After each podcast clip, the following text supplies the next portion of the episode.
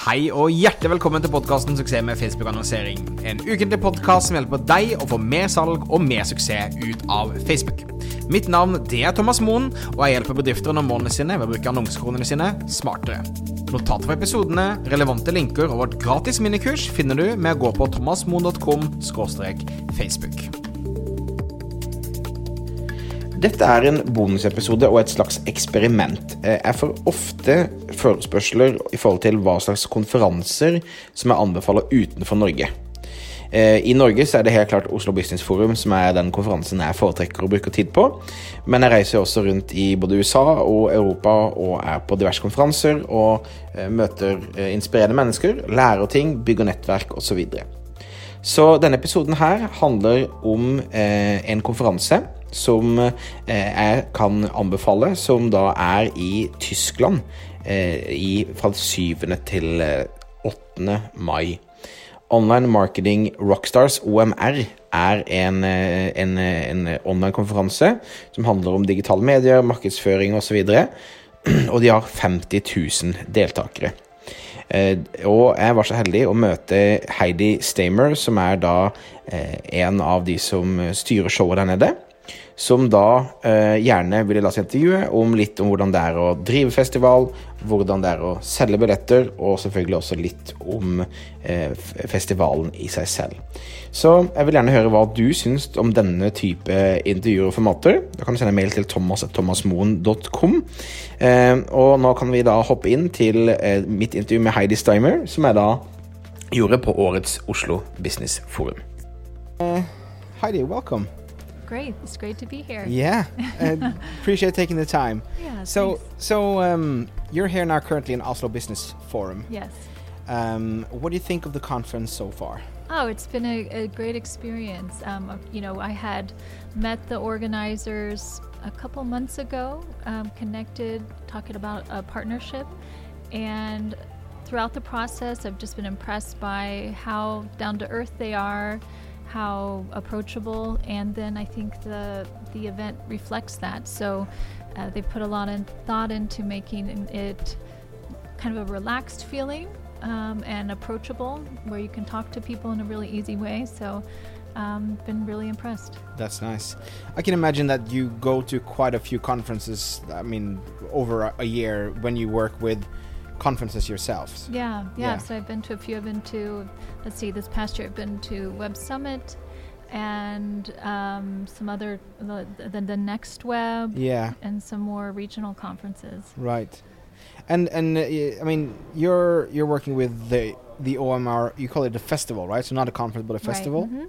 Um, and I, I was quite amazed about the scale of the whole thing, um, because um, you know it's it's around fifty thousand attendees. Yeah. Yes, correct. Yeah. And h- how how do you how do you organize something like that? German efficiency. That's a great point. Yeah, so uh, OMR, it began very organically. So about eight years ago, uh, the group of founders, they were founders themselves of ad tech company and decided to get start getting people together in the industry as kind of a side project. So they started getting people together each year, starting out with a few hundred, then growing each year. Um, it was about three years ago that they sold their last startup to Zalando. It became the Zalando Ad Tech Lab. And they saw that, oh, wow, this OMR has a lot of resonance. Uh, a lot of people were really identifying with the brand and liked what they were doing. And they had a background in media. Um, they had started their career at Gruner and Jahr and decided to really build out a media platform in addition to growing the event. So now they publish a daily newsletter. We have weekly podcasts, one of the top business podcasts in Germany. Uh, we do regular reports on marketing topics like, you know, the ins and outs of Amazon marketing or what's the latest with, you know, different platforms and different opportunities. Just recently, we did a China deep dive, um, you know, helping educate people about, you know, how to leverage some of the, the China platform, uh, Chinese platforms. So um, there's that piece throughout the year, and then once a year we view it as this ongoing dialogue throughout the year with our audience, and then once a year getting everyone together in person for more personal connections. And so I think you know part of the success is you know. th- th- they uh, are very authentic, which which I talked about for Oslo Business Forum as being important also. Um, they're well connected in the industry because they themselves come from the industry, so they're not just putting on an event, but they actually, um, you know, come from the industry and know the people there. And um, they invest a lot into the content, really, you know, bringing speakers who have you haven't seen at every other conference. So they were one of the first people to bring Gary Vaynerchuk to Europe, or you know they look for people really interesting to bring and you know help to stimulate thinking. So this year we have Yuval Harari, um, one of the you know leading thinkers of our time when it comes to technology Yeah. Um, and then some you know really interesting innovators like Bozoma St. John, Andy Puddicombe, people like that. Um, but yeah, 50,000 people, it's um, it's a big undertaking, and um, you know it is a German operation, so they're very well organized. I've been impressed by. Yeah, the, the organizational detail that goes into executing it. Uh, for our stage production, we work with a um, a production company that does all the production for uh, one of the biggest heavy metal um, Right. festivals, Yeah. the Wacken Festival in Germany.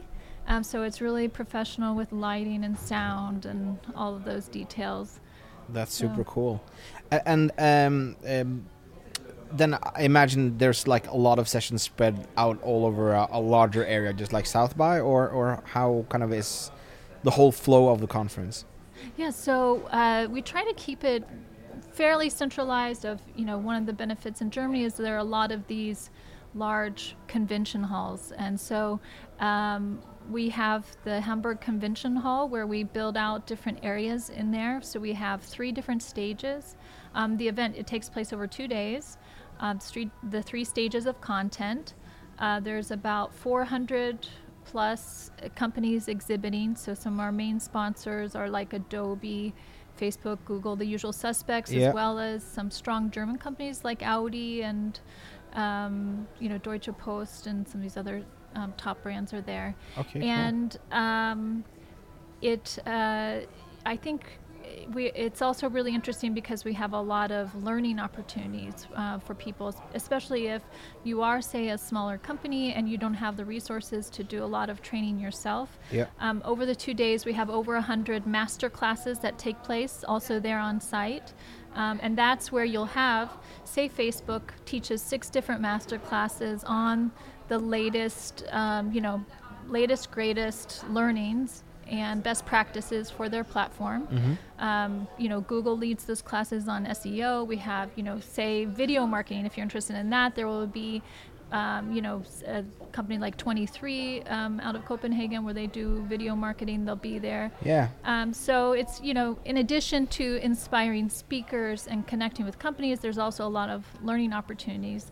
Um, where it is outside of that, you know, kernel the of the main com- uh, conference hall are our side events, and this is we have about 100 of these events where companies plan them themselves, and those are at like different restaurants and things throughout the city. So it also gives you a chance to see more of the city. That's so really cool. like for instance adobe is hosting a cto dinner um, like last year we had a luncheon with appnexus you know so there's a lot of different things happening Great.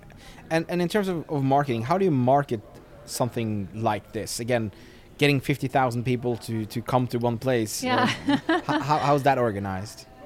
well so the uh, this year we're really focused you know part of why i'm here in norway is we're really focused on growing our awareness and our audience internationally. So I would say they're very strong in Germany just because by virtue of the brand and the connections that they have in the industry.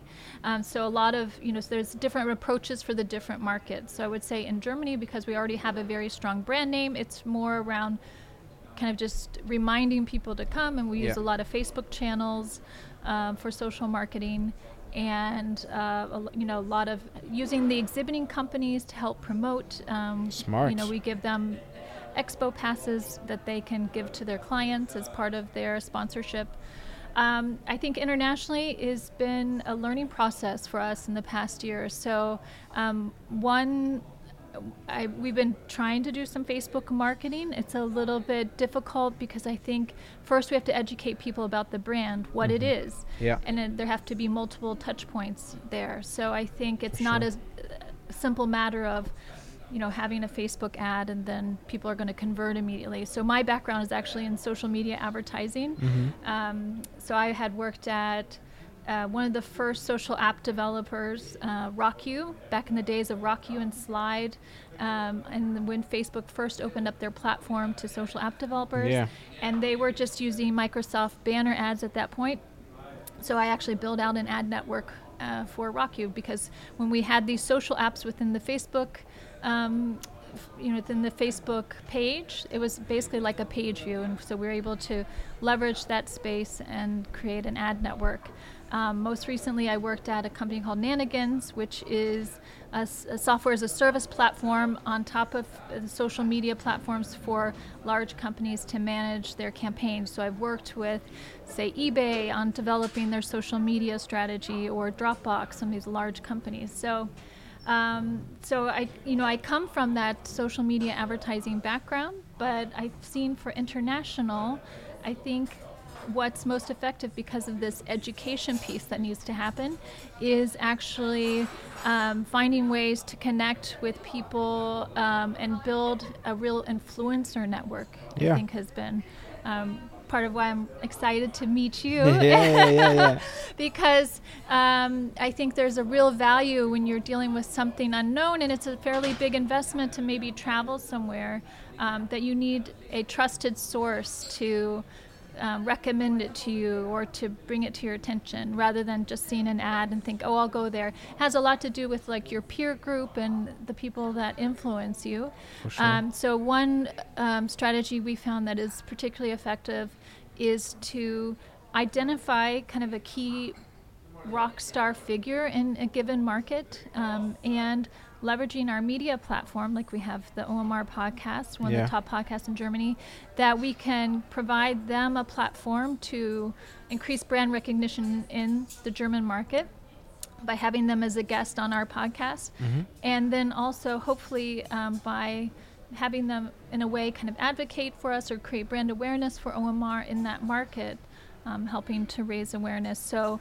for instance in vienna we had a live podcast event with um, florian gschwandtner. He's the founder of runtastic app. Um, it was acquired by adidas for about 220 million recently. Wow. so kind of a local rock star there Yeah. anywhere really.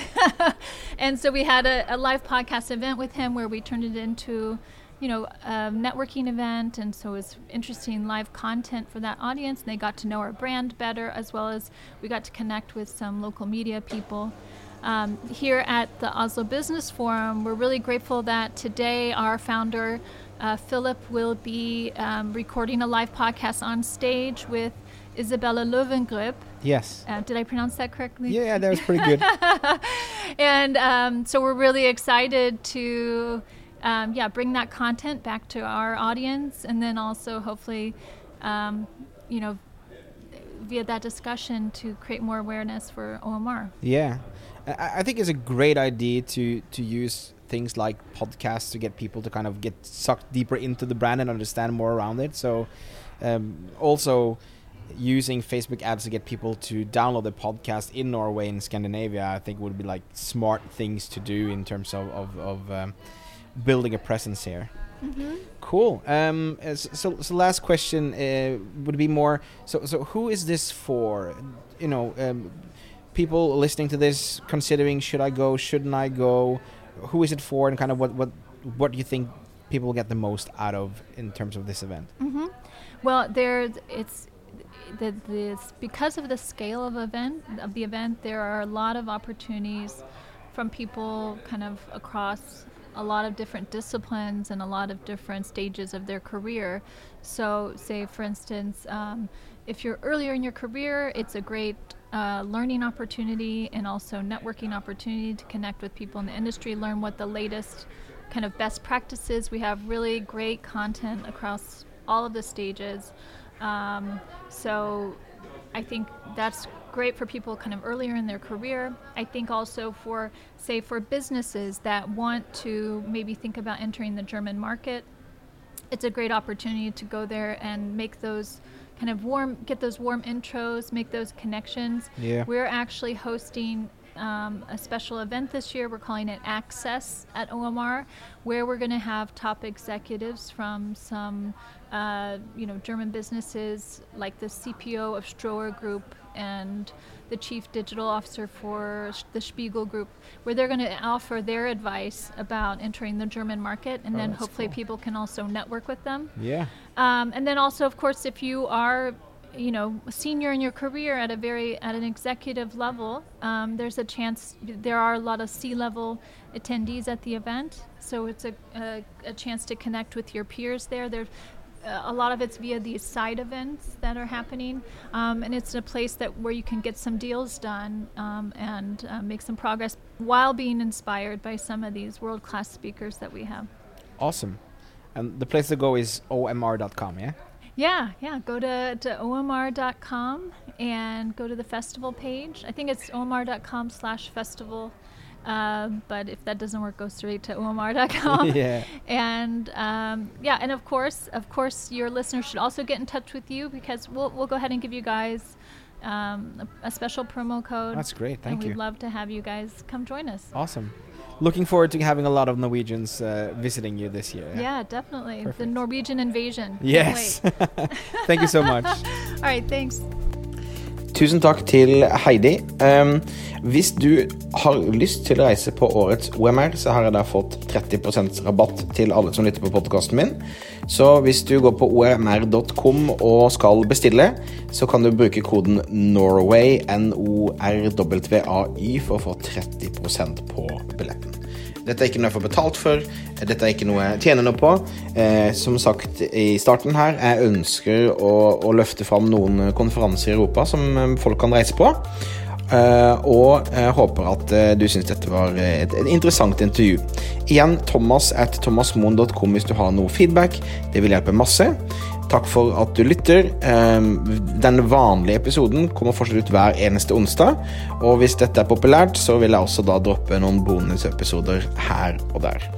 Da gjenstår det bare å ønske deg en fantastisk dag videre, og så snakkes vi snart. Ha det.